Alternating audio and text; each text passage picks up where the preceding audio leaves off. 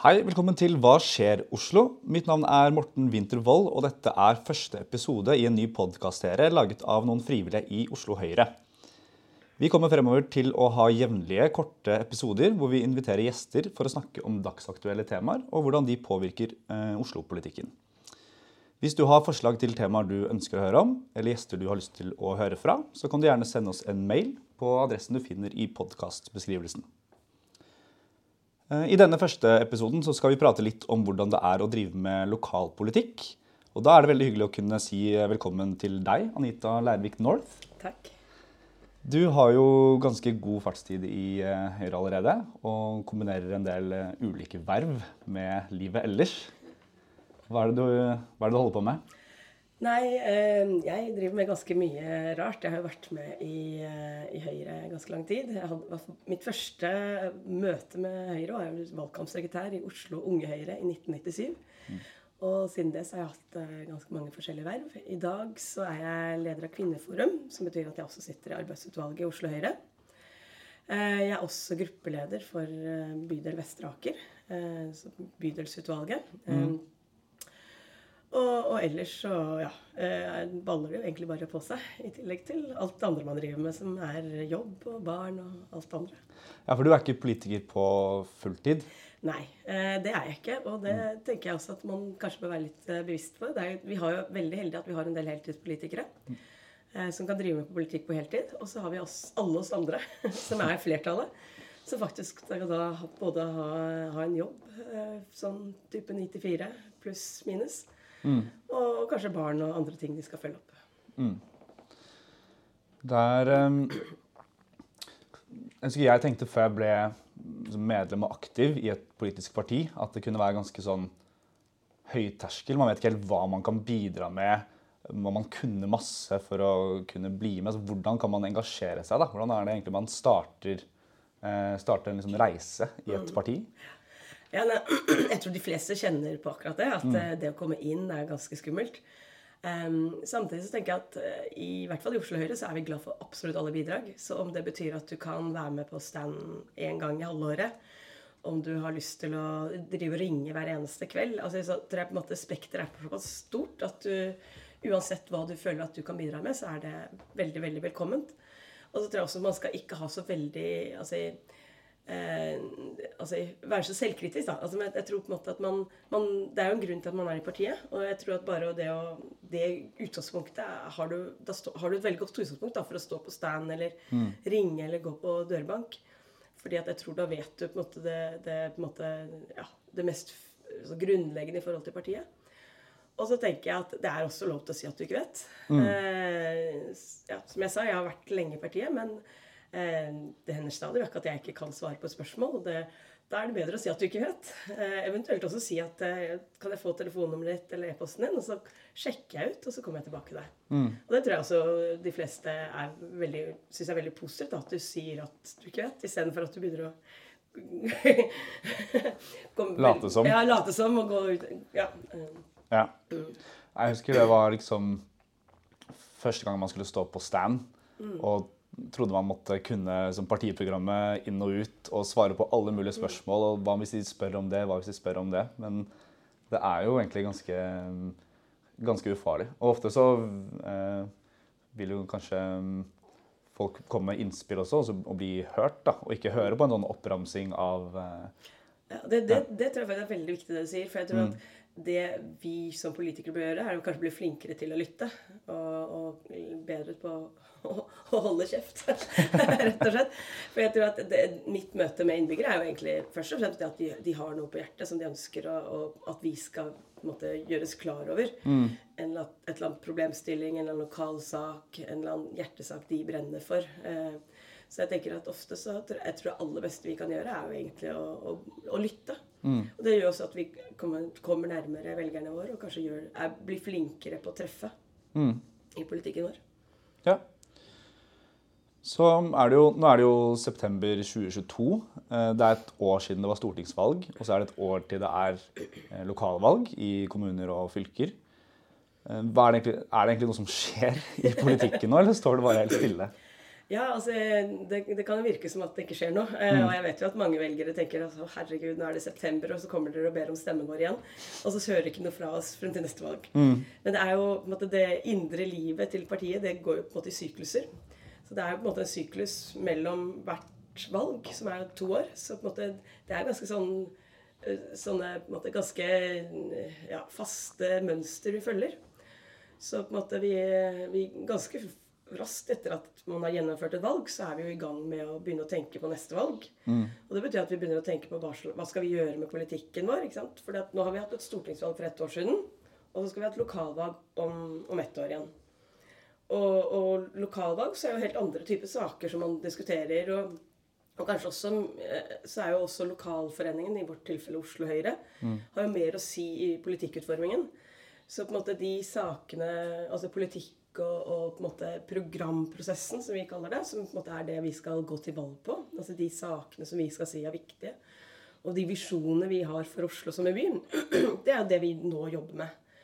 Eh, og så parallelt med det så må vi også finne ut hvem er det vi vil at skal jobbe for oss. Så mm. da er vi også en prosess med å finne de kandidatene eh, som, som, vi ønsker skal representere Oslo Høyre på rådhuset eh, etter, etter valget om et år. Ja, hvordan er det den prosessen foregår? Hvis man tenker oi, jeg burde ha sittet i bystyret eller liksom vært, vært politiker, da. Hvordan er, det, hvordan er, den prosessen for å komme liksom på, på, liste, som det heter? Ja, ja. Nei, altså, jeg er veldig egentlig stolt av Oslo Høyre. som er, altså, Vi har en veldig veldig demokratisk prosess rundt nominasjon. Mm. Eh, der alle kan si at 'jeg ønsker å stille', og alle eh, kan egentlig peke på noen andre. Både innenfor partiet og utenfor partiet blir du kandidat, så må du selvfølgelig melde deg inn. Ja. Men det er, man, først så får man inn en haug med navn, sånn som vi har fått. Vi har nå 130 personer som har sagt at de er innstilt på å representere Oslo Høyre. Mm. Um, og det er jo helt fantastisk bra. Uh, så har vi ikke plass til alle de 130 på den lista. Uh, men da snakker vi jo bystyret. Og jeg syns også det er litt viktig å måte, minne på at det er også, vi har også bydeler. Så, så Kommer du ikke gjennom nåløyet til bystyrelista, så har du allikevel muligheten i enda nærmere og mer lokalt i bydelen din etterpå. Men eh, prosessen til bystyret, og for så vidt også ganske likt prosessene rundt omkring, er jo at man har møter der lokalforeningen sier litt om hvem de mener burde stå på listene. Og så syns jeg det er veldig kult vi har i Oslo Høyre, er jo vi har uravstemning. Så det er jo egentlig en avstemning der alle medlemmene i Oslo Høyre kan få lov til å si hvem de mener burde stå på topp. Mm.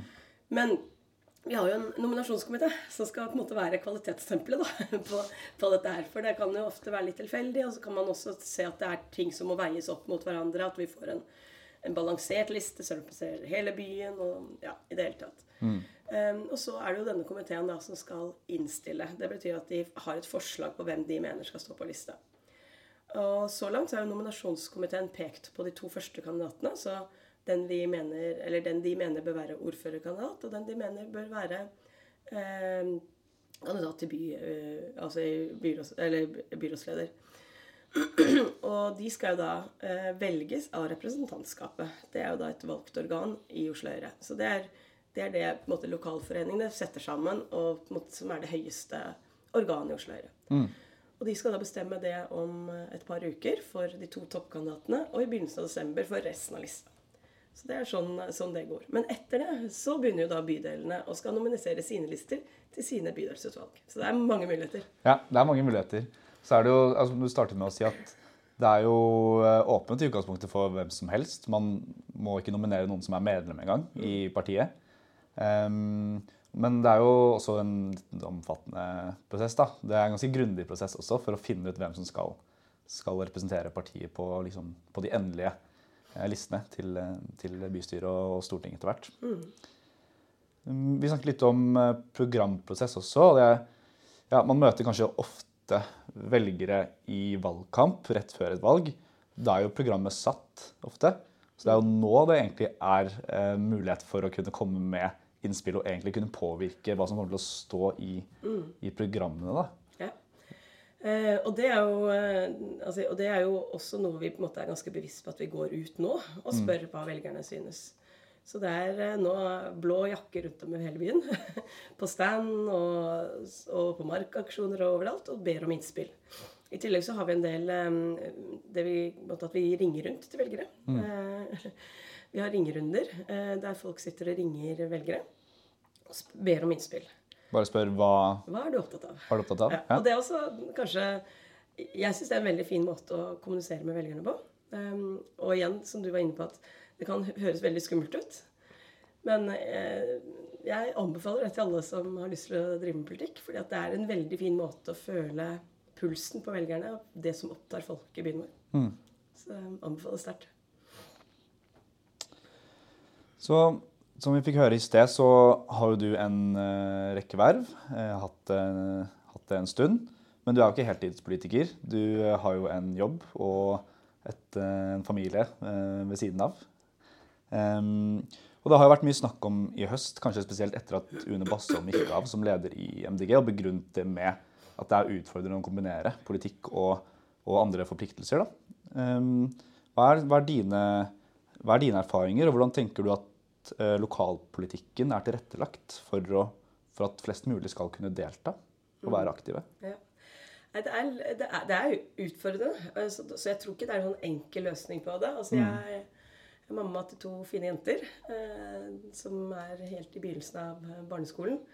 Eh, der det er masse oppfølging, masse fritidsaktiviteter som ikke Altså, de er ikke store nok til at de tar vare på seg selv ennå. Uh, og det er jo et situasjon for veldig mange i en periode i livet. Mm. Eh, og det jeg ser, da, er jo måte, Når man har vært lenge med i politikken, så ser vi ofte at vi har folken med når de er unge.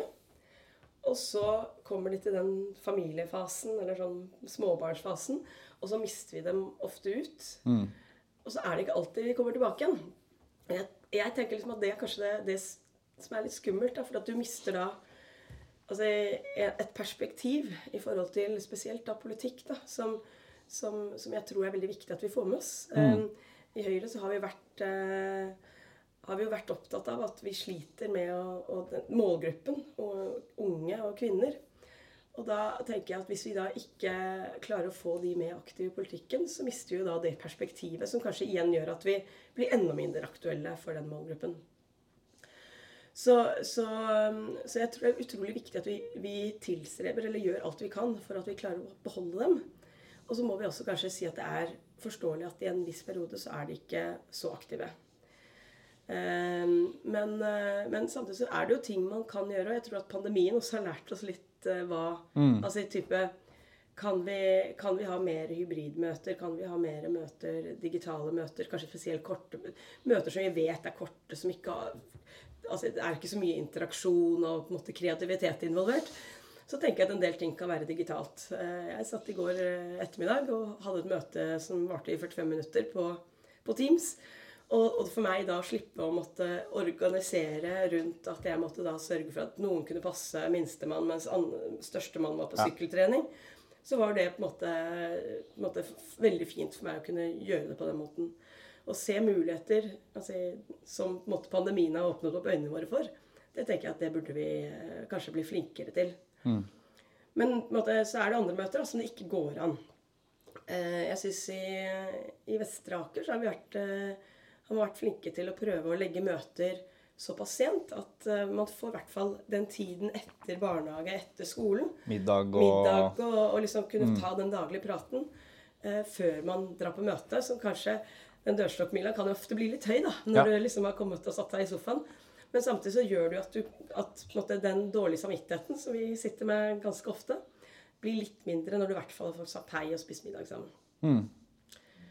Så, men, men altså, det er jo ikke en veldig klar løsning. Men jeg tror kanskje også at man må at terskelen også skal være lav for hva vi forventer. Altså Det skal ikke være enten-eller. Eh, jeg tror på en måte at eh, hvis du i en periode sier at jeg, jeg kan ikke både sitte i bystyret og i bydelsutvalget og i styret og ditt og, og, mm. og, si at nå er jeg bare jeg er, jeg er, så aktiv som jeg klarer. Og så betyr det kanskje at jeg klarer en, en en standsaksjon eller en markaksjon, eller jeg kommer på et møte, altså, så er det godt nok. Ja. Eh, for det viktigste er kanskje å få den kontinuiteten som gjør at de da mm. At vi får det med når, de er, når, den fasen er over. ja.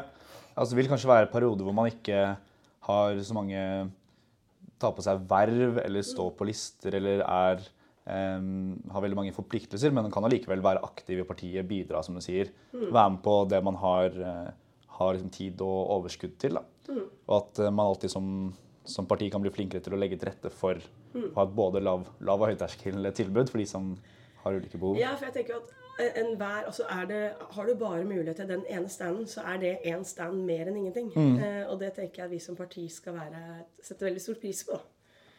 Og det gjelder jo egentlig alle, men kanskje spesielt i den fasen man er når man har småbarn. Mm. Tusen, tusen takk for at du ville komme, Anita. Veldig hyggelig å være her. Veldig glad deg på besøk. Og du som eh, hører på, hvis du har noen forslag til temaer du ønsker å høre eller lære om, eller noen gjester du vil høre fra, så send oss eh, gjerne en mail på adressen du finner i podkastbeskrivelsen. Vi høres eh, snart igjen. Ha det bra.